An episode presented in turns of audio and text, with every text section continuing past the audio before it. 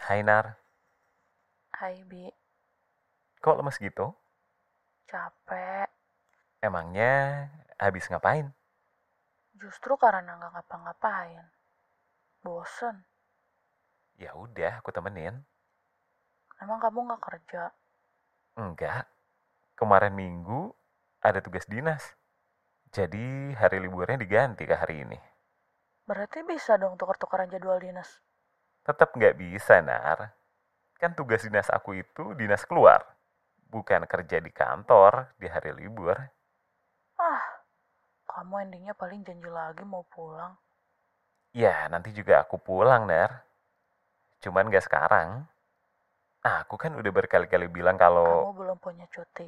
Iya, aku ingat. Ya udah, jangan ngomongin hal yang bikin kita berantem. Aku bosen Bi, nggak kemana-mana. Diem terus di rumah. Anda sendiri pula. Temenin sama benda mati. Ya kan, aku nemenin. Ya tapi kan kamu nggak di sini. Ya kan, kondisinya emang gak bisa, Nar. Ya, tahu. Nggak usah diulang-ulang. Bosan aku dengarnya. Kayak nggak ada alasan lain aja. Kan emang gak ada alasan lain. Kalau aku udah dapet cuti, aku bakal ambil cuti tiga hari tiap tiga bulan buat pulang. Tapi tetap aja susah ketemunya. Kan aku kerja. Tukar dinas aja susah, apalagi cuti nyamain cuti kamu yang nyampe tiga hari. Ya nanti aku nemenin kamu kerja aja, Nar. Di apotek kan ada kursi tunggu. Nanti aku tunggu situ aja. Kalau nggak ada pasien, kita kan bisa ngobrol. Terus di jam istirahat, kita makan bareng. Atau kalau boleh, aku bantuin kamu kerja aja sekalian. Ntar aku bawa jas alma mater, pura-pura jadi anak PKL. Ngapain ah kamu repot-repot ambil cuti terus jauh-jauh ke sini tapi akhirnya kerja juga. Iya kan, biar bareng sama kamu, Nar. Bukan cuman kamu kok yang nggak nyaman dengan jarak. Aku juga. Orang lain yang LDR itu berusaha biar bisa deket loh, Bi. Kita udah deket, kamu malah milih ngejauh. Nar, kita kan udah sepakat soal ini sebelum aku ngelamar kerja. Lagian ngapain sih Bi makai jauh segala? Kayak di sini nggak ada lowongan kerja aja. Ada, Nar. Tapi kan gajinya nggak seoke di sini. Kamu tahu sendirilah. Uang itu bukan segalanya, Bi. Tapi segalanya butuh uang, Nar. Kamu pikir nanti kalau kita udah nikah, aku ngasih makan kamu pakai apa? Pakai cinta. Cinta sih nggak bikin kenyang, Nar. Ya tapi kan aku juga bisa bantuin kamu nyari uang. Nyari uang itu tugas laki-laki, Nar. Terus tugas perempuan apa? Masak. Kamu kan tahu persis kalau aku nggak bisa masak. Goreng telur dadar aja bisa gosong. Aku nggak masalah sih kalau kamu nggak bisa masak. Ya kamu bisa bilang gitu karena kamu jago masak. Kamu nggak tahu kan kalau aku dikatain sama teman-teman aku karena nggak bisa masak? Iya, kamu nggak perlu peduliin kata-kata mereka. Kamu pikir aku kuat? Ada yang bilang ke aku kalau aku tuh nggak akan berguna kalau nikah. Cucian bakal di laundry, makan pasti beli, ngurusin rumah cari asisten rumah tangga. Kalau punya anak, kalau nggak dititip ke orang tua, paling nyari babysitter atau dititip di daycare. Nar, kalau nanti kita nikah, aku tuh bukan cuma nerima nikah dan kawinnya. Aku juga nerima kamu yang gak bisa nyetrika, kamu yang gak bisa masak nasi, kamu yang ngepel malah banjir.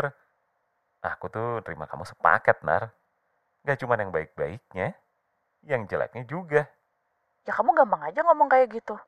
Yang suka sama kamu kan banyak. Kalau kita putus juga kamu gampang nyari pacar lagi. Bentar, Nar. Ini kamu lagi PMS atau gimana? Kenapa sih kalau cewek lagi emosi pasti dikatain PMS? Karena terakhir kita ngobrol itu, kita tuh baik-baik aja, Nar. Siapa bilang kita baik-baik aja? Emang kita ada apa? Ada yang nggak kamu ceritain ke aku? Tentang dinas kamu kemarin minggu? Ya kan aku udah cerita. Tapi kamu nggak bilang kalau pulangnya kamu jalan-jalan. Jalan-jalan kemana? Makan-makan di kafe sama teman-teman kamu. Oh, itu lagi acara perpisahan. Ada yang pensiun, terus kita makan-makan. Sengaja di hari Minggu, biar banyak yang ikut. Terus kenapa kamu nggak cerita ke aku? Buat apa? Bukannya kamu nggak suka ya, Nar? Kalau aku bilang aku jalan-jalan, sedangkan kamu di sana keluar rumah cuma buat kerja. Iya, emang. Ya terus buat apa aku ceritain kalau bikin kamu kesel? Kamu sengaja nutup-nutupin kan? Nutupin apa? Kamu nggak pengen ketahuan kan kalau kamu ketemu sama Mita? Itu Bener kan kamu ketemu sama Mita? Nggak sengaja, Nar, sumpah. Ternyata Mita itu anak ibu yang mau pensiun itu. Terus diajakin makan bareng juga. Bilang aja, Mita masih sayang sama kamu dan pengen balikan. Dia pasti tahu kan kalau ibunya mau perpisahan sama orang-orang kantor dan tahu kalau kamu bakal ada di sana. Ya terus kalau Mita masih sayang sama aku, emangnya jadi masalah buat kamu. Ya iyalah, makanya nanya. Yang penting kan akunya nggak sayang sama dia. Terus ngapain itu foto bareng posing peluk-peluk? Kamu dapat foto itu dari mana? Kenapa? Kaget ya aku bisa tahu kalau kalian foto bareng dan Mita ngelingkarin tangannya di leher kamu.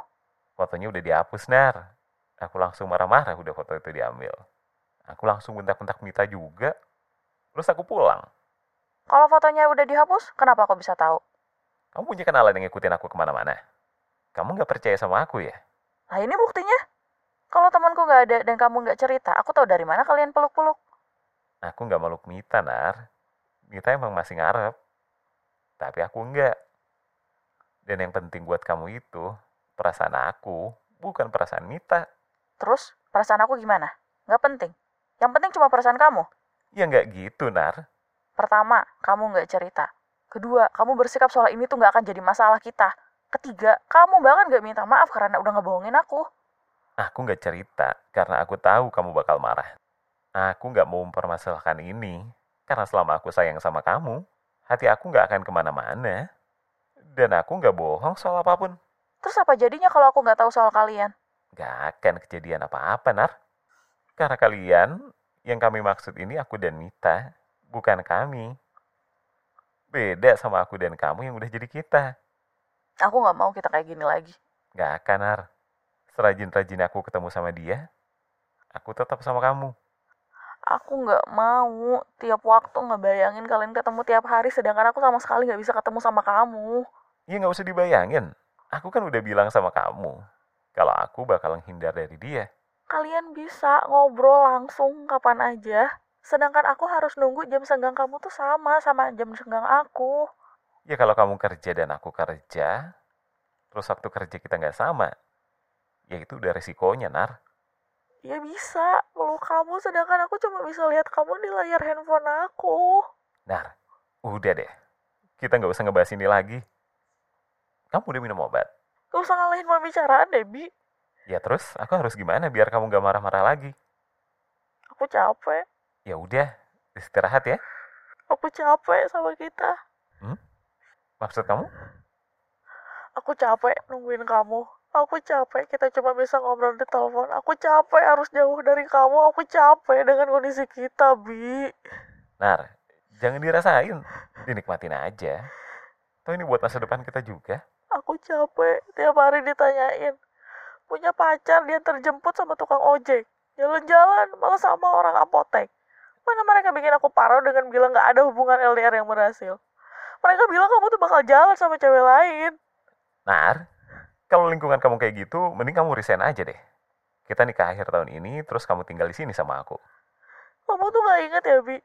Aku tuh masih ngerasa sekolah aku tuh belum kelar. Ya terus sekarang gimana? Aku nggak bisa ngebiarin kamu hidup di lingkungan yang bikin kamu curigaan sama aku terus. Terus, kamu rela ngorbanin impian aku? Nar, aku nggak mau berantem sama kamu. Oke? Jadi sekarang kita ke intinya aja. Kamu maunya apa? Aku mau kita udahan. Cuman karena Mita meluk aku dari belakang. Terus kamu minta kita udahan. Eh, Iya, Empat tahun ini kita ngapain? Kamu pikir aku udah bertahan selama itu cuman biar kita punya ending putus? Ini tuh masalah sepele, Nar. sepele. Aku cemburu kamu bilang sepele. Nar, kamu istirahat ya. Nanti kita ngobrol lagi. Gak perlu. Karena aku gak mau ngomong sama kamu lagi. Nar, kamu gak serius kan? Kamu pikir aku bercanda sama perasaan aku? Kalau aku sedih, marah, cemburu, aku harus selalu bilang sama kamu. Ya tapi nggak gini juga, Nar. Aku udah gak peduli lagi sama Kak Fajar. Aku udah capek. Nar, please, Nar. Aku udah prepare banyak hal di sini. Aku udah nyari rumah buat kita cicil bareng. Aku udah kredit mobil. Kosan aku udah makin sumpah karena aku udah beli banyak perabotan. Aku gak peduli.